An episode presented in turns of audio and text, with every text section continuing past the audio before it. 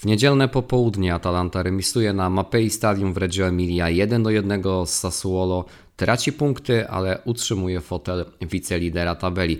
W dzisiejszym odcinku oczywiście analiza tego e, spotkania, Kilka słów również e, o tym, e, co mówią nam statystyki przed ostatnimi meczami tego sezonu i kto jest faworytem do zdobycia miejsca w kolejnej edycji Ligi Mistrzów dwie, trzy ciekawostki e, z regionu, no i oczywiście zapowiedź e, kolejnego ligowego starcia, tym razem z Parmą.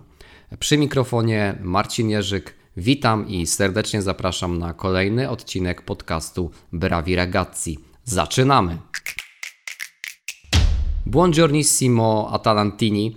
E, tak jak pewnie dobrze wiecie, w niedzielne popołudnie Atalanta remisuje można powiedzieć, tylko remisuje z Sassuolo 1 do 1 e, po powiedziałbym dziwnym momentami takim abstrakcyjnym, może absurdalnym e, meczu, e, trochę przypominającym, może nie jeśli chodzi o bieg wydarzeń, ale o to, jak odbiera się ten wynik już z perspektywy kilku dni, przypominającym właśnie mecz Również zremisowane 1-1 na Stadio Olimpico z Romą kilka e, tygodni e, temu. E, zajrzyjmy do gazet, do lokalnego dziennika. Tradycyjnie będę się posługiwał artykułami z Lecco di Bergamo.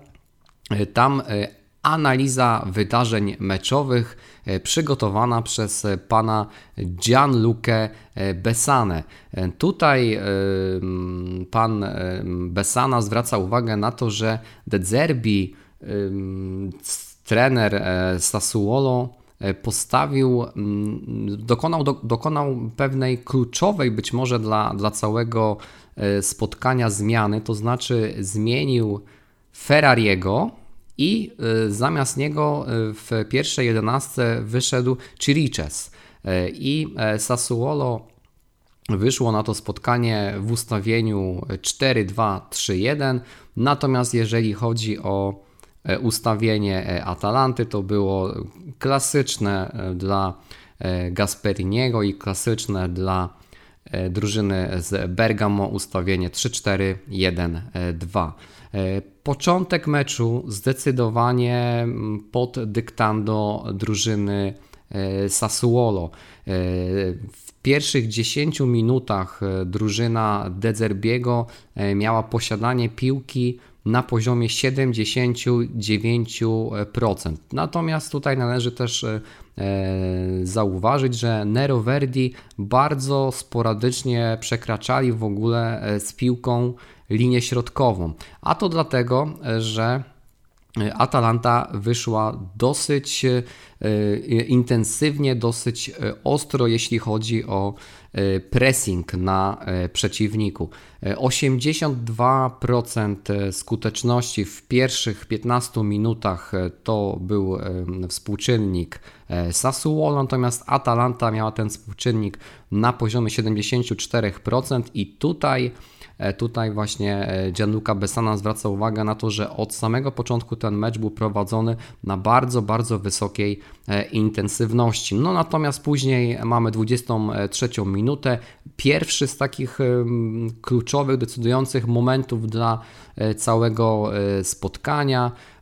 No, Jeremy Boga E, biegnie z piłką w kierunku e, bramki. Golini e, z bramki wychodzi dosyć daleko, tak żeby tak próbując przeciąć linię pomiędzy napastnikiem oraz, oraz piłką. No ale fauluje napastnika Sassuolo. E, I tutaj e, sędzia wyciąga e, czerwoną kartkę, która została dodatkowo tutaj zweryfikowana i potwierdzona przez system analizy VAR. Gasperini oczywiście jest zmuszony do tego, aby dokonać zmiany. Ściąga z boiska Matteo Pessine, do bramki wchodzi Sportiello. No i w związku z tym Atalanta jest zmuszona również przejść na inne ustawienie, ponieważ gra w dziesiątkę i w tym momencie gra w ustawieniu 3-4-1 1.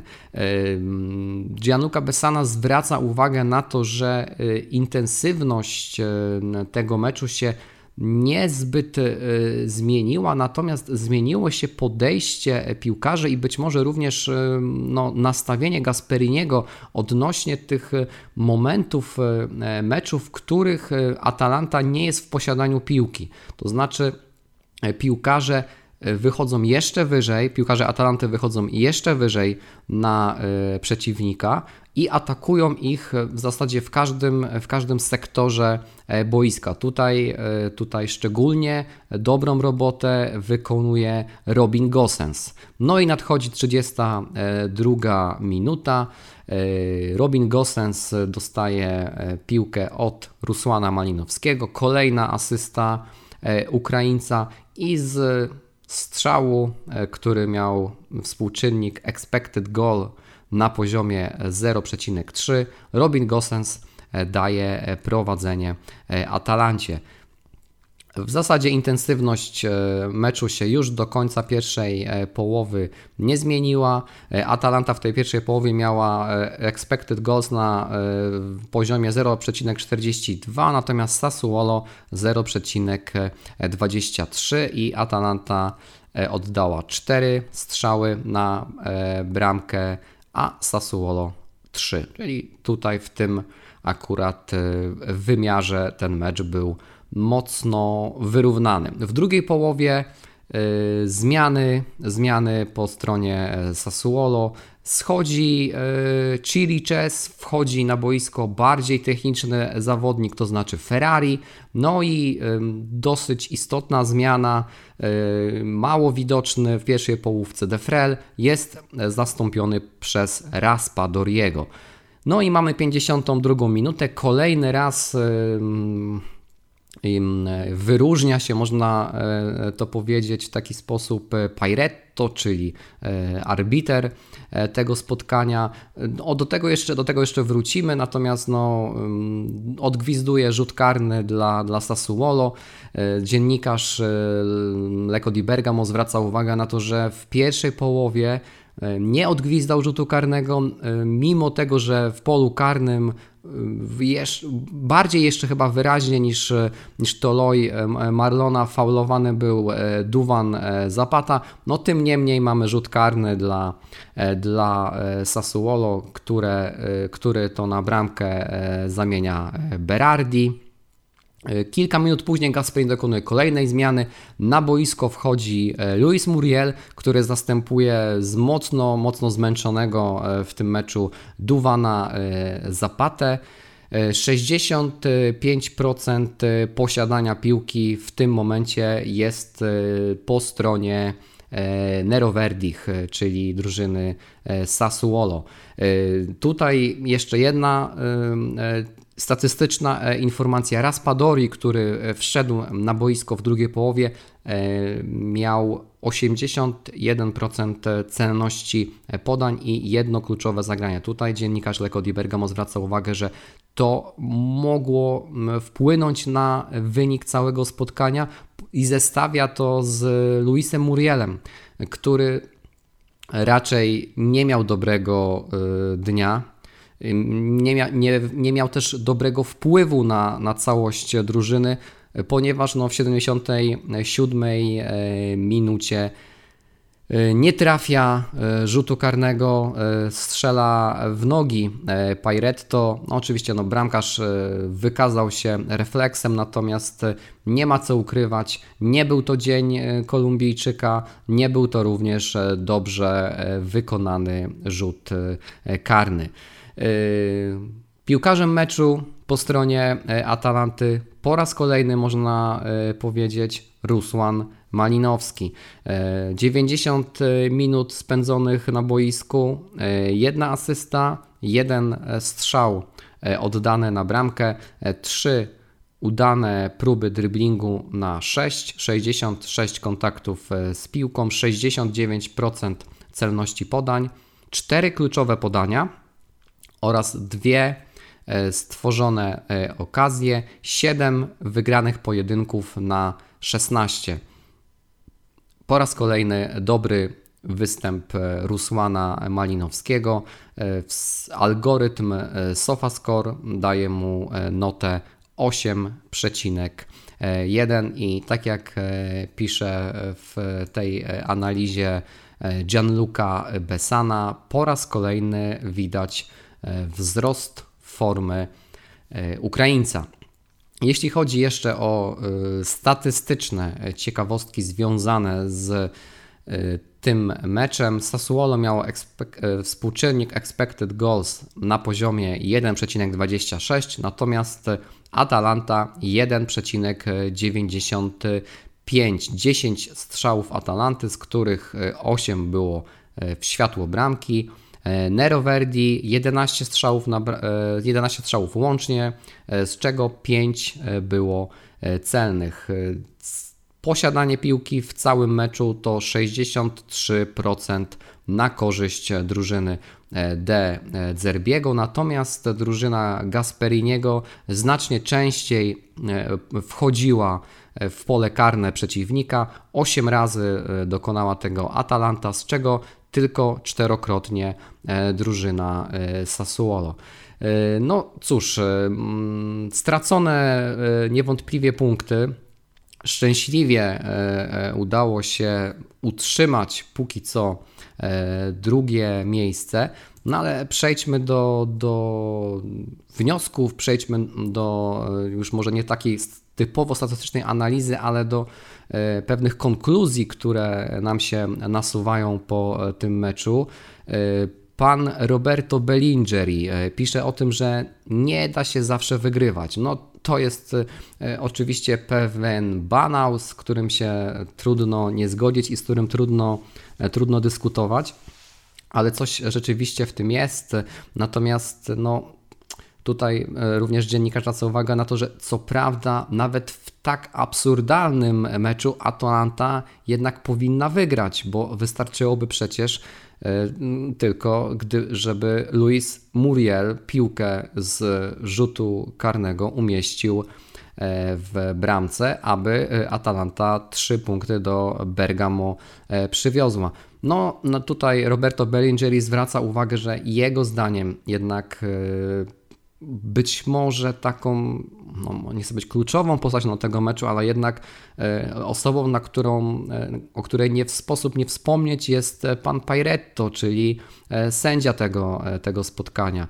Tak jak już mówiłem o tym, pan Pairetto nie odgwizdał rzutu karnego w pierwszej połowie po faulu na zapacie. W dosyć podobnej sytuacji odgwizdał przewinienie E, dla, e, dla e, Sassuolo.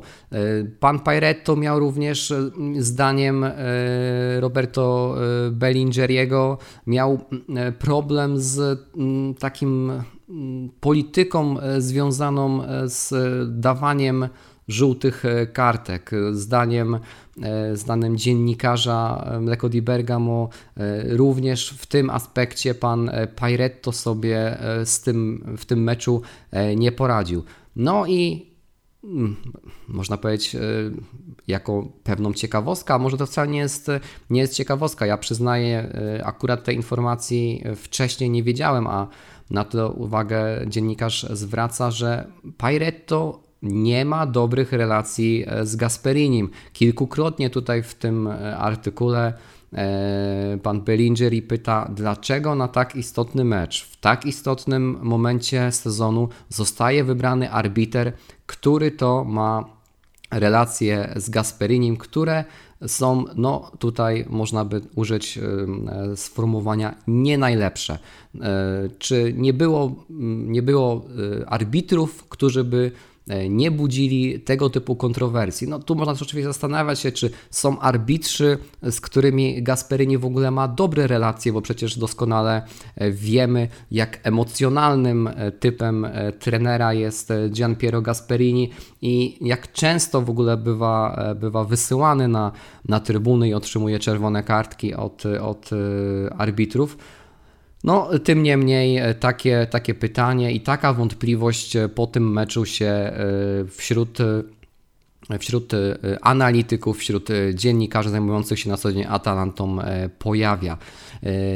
Drugim elementem, na który zwraca uwagę pan Bellingeri jest Luis Muriel i dziennikarz pyta Muriel, o co chodzi? Po raz drugi z rzędu Luis Muriel wchodząc z ławki nie pomaga drużynie, wręcz, wręcz odwrotnie. Po raz pierwszy E, to był mecz z Romą, kiedy e, Luis Muriel nie trafia na pustą bramkę. To jest jedna z sytuacji, która być może będzie po końcu sezonu rozpatrywana jako pudło e, całego tego sezonu, ponieważ, no, jak pewnie pamiętacie, Luis Muriel nie trafił do pustej bramki z 2-3 metrów. Tym razem nie trafia rzutu karnego, strzelając w nogi bramkarza.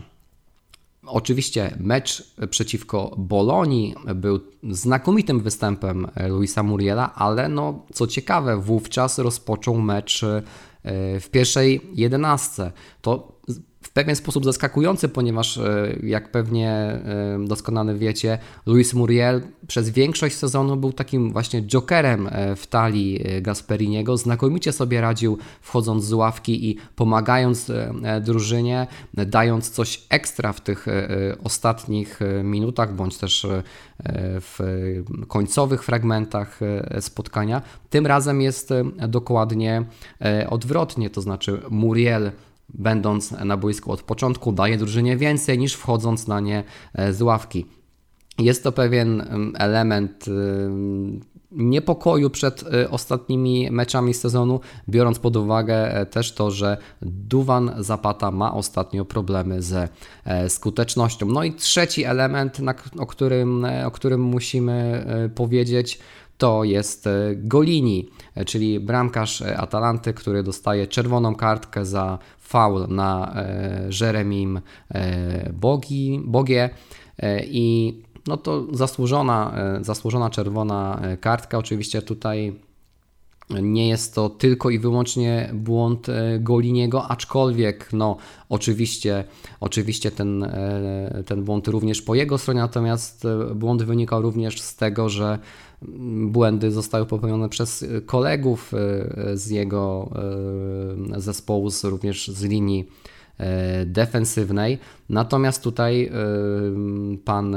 Roberto Bellingeri przypomina również o tym, że Golini popełnił błąd na Olimpico przeciwko Romie, ponieważ tam gol Briana Cristante był właśnie strzelony po błędzie bramkarza Atalanty. Teraz na kolejne spotkanie do bramki wejdzie Sportiello, e, który rozgrywając te niemal 70 minut przeciwko e, Sassuolo nie wypadł źle, natomiast no, pamiętamy również jego popis, jeśli tak można lekko ironicznie powiedzieć, przeciwko E, Realowi Madryt, y, no cóż, pozostaje nam tylko liczyć na to, że e, kolejne występy w wykonaniu Sportiello będą lepsze niż ten, który mamy ostatnio e, w pamięci.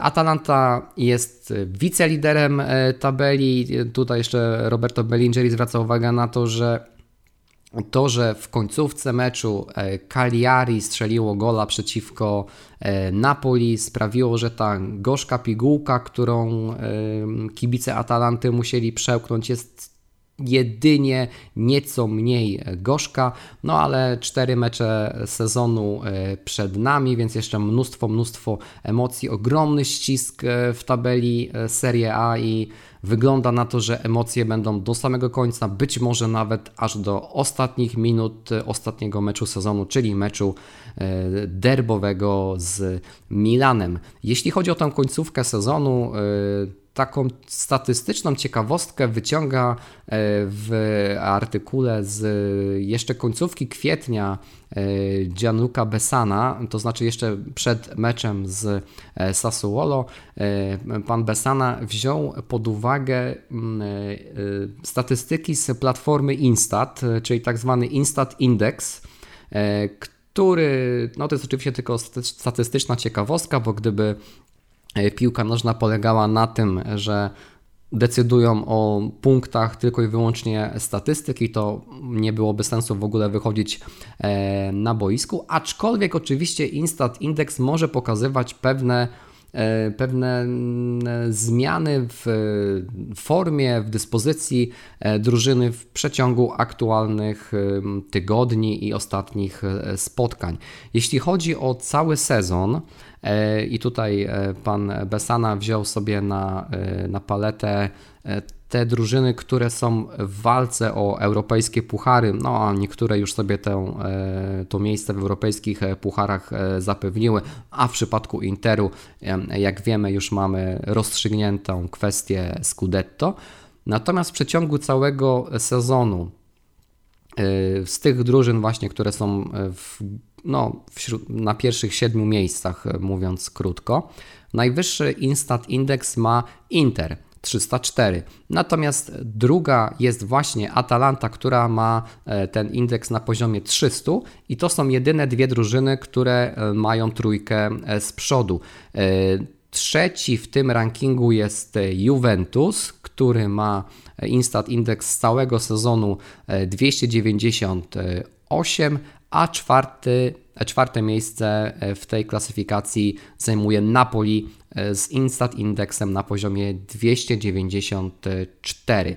Natomiast e, jeśli chodzi o średni Instat Index z ostatnich pięciu meczów, czyli pokazujący zmianę formy, zmianę dyspozycji drużyny przed tymi kluczowymi meczami sezonu, to nie liczę tutaj meczu e, Sassuolo, bo tak jak, e, tak jak mówiłem, ta analiza została e, przy, przygotowana jeszcze przed tym spotkaniem. To Instat Index średni z tych ostatnich pięciu kolejek najwyższy jest Atalanty 315. Bardzo, bardzo e, wysoki e, indeks ogólnie, jeśli chodzi o średnie Instat indeksy na poziomie tych najlepszych e, lig. Drugie miejsce w tej klasyfikacji to jest Exequo.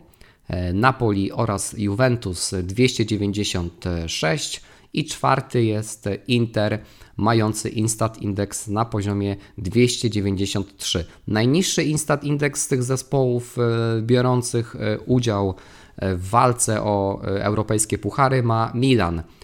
Ten ich współczynnik wynosi 275, no i jak, jak się łatwo zorientować, jest mocno odbiegający od średniej, nie tylko średniej ligi, ale również od średniej Milanu z całego sezonu.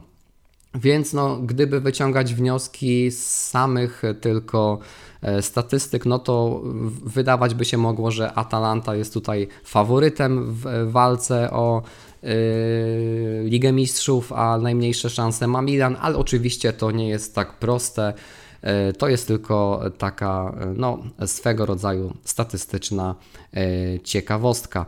E, jeszcze jedna statystyczna ciekawostka związana z tym Instat indeksem. Pan Besana wziął również na, na, na tapetę Instat Index drużyn, z którymi przyjdzie się zmierzyć Atalancie w tych ostatnich meczach. No, mm, Sassuolo mamy już za sobą. Sassuolo ma Instat Index z ostatnich pięciu spotkań na poziomie 286 i powyżej średniej z sezonu, która wynosi 280 i to był jeśli chodzi o to, oczywiście tą tylko statystyczną e, e, ciekawostkę, najtrudniejszy e, przeciwnik. Kolejna jest Parma z Instat Indexem 2, 257, Benevento 248, Genoa 258, no i ostatni Milan 275. Jak się łatwo zorientować, wszystkie te zespoły są poniżej, e, mocno poniżej średniej e, Atalanty w tym akurat e, aspekcie i większość z nich poza, poza Genoą mają też średnią z ostatnich pięciu meczów niższą od swojej średniej z całego sezonu. O czym to może świadczyć? No, być może y, można się tak pocieszać i można na to liczyć, że najtrudniejsze mecze y, za y, y, Atalantą już są i teraz te trzy mecze powinny być teoretycznie łatwiejsze. Czy tak będzie faktycznie, to się, to się niedługo przekonamy. E, oczywiście, tak jak mówiłem, no, trudno budować tabelę i trudno wyciągać wnioski tylko i wyłącznie e, z, takiej, e, z takiego jednego indeksu. Jak będzie faktycznie, to się, to się już niedługo przekonamy. Zanim przejdziemy do zapowiedzi meczu z Parmą, to jedna dosłownie ciekawostka, a może dwie dwie, bo są krótkie ciekawostki z, z regionu, yy, w takie troszeczkę, troszeczkę pudelkowe może. Yy, kilka dni temu, yy, tuż po weekendzie majowym, w szpitalu w Bergamo urodziło się e, dziecko pana Fabio Caglioniego, byłego piłkarza drużyn e, z regionu, drużyn Cavarnese oraz Scanzo. A dlaczego to jest e, takie ciekawe? Ponieważ chłopiec otrzymał imiona Glenn Peter na cześć Glena Petera Stromberga, szwedzkiego piłkarza, który niegdyś e, grał w drużynie e, Atalanty. No taka ciekawostka pokazująca, że całe miasto, dosłownie całe miasto oraz cały region żyje Atalantą i tych Atalantini już od samego dzieciństwa, od, od wręcz samych narodzin jest e, E, całe mnóstwo. Glenowi, Peterowi oraz jego rodzicom życzymy oczywiście wszystkiego e, dobrego. Jeśli chodzi o to, co się dzieje aktualnie w mieście, no cały czas e, tematem numer jeden jest pandemia COVID-19, ale oczywiście następuje pewne odmrożenie w tym temacie. Lombardia, jak i prowincja Bergamo niedawno przeszła do tak zwanej strefy żółtej, w związku z czym mnóstwo rzeczy i atrakcji w mieście się otwiera. E, jeśli ktoś będzie się w najbliższym czasie do Bergamo wybierał, a prawdopodobnie od połowy maja będzie to coraz e, prostsze, to taka informacja, że ogród botaniczny Lorenzo Rota od początku maja jest już e, dostępny do zwiedzania. Ja bardzo serdecznie e, to miejsce polecam. Naprawdę przyjemny e, sposób na to, aby spędzić może nie cały dzień, ale na pewno sporą część popołudnia. Bardzo, bardzo przyjemne miejsce również dla rodzin. E, ok, natomiast e, jeżeli chodzi o wydarzenia nadchodzącego weekendu, to przed nami spotkanie z Parmą 9 maja o godzinie 15 na stadionie Ennio Tardini. E, pojedynek Gianpiero Gasperiniego oraz Roberto Daversy. Parma już zdegradowana do Serie B.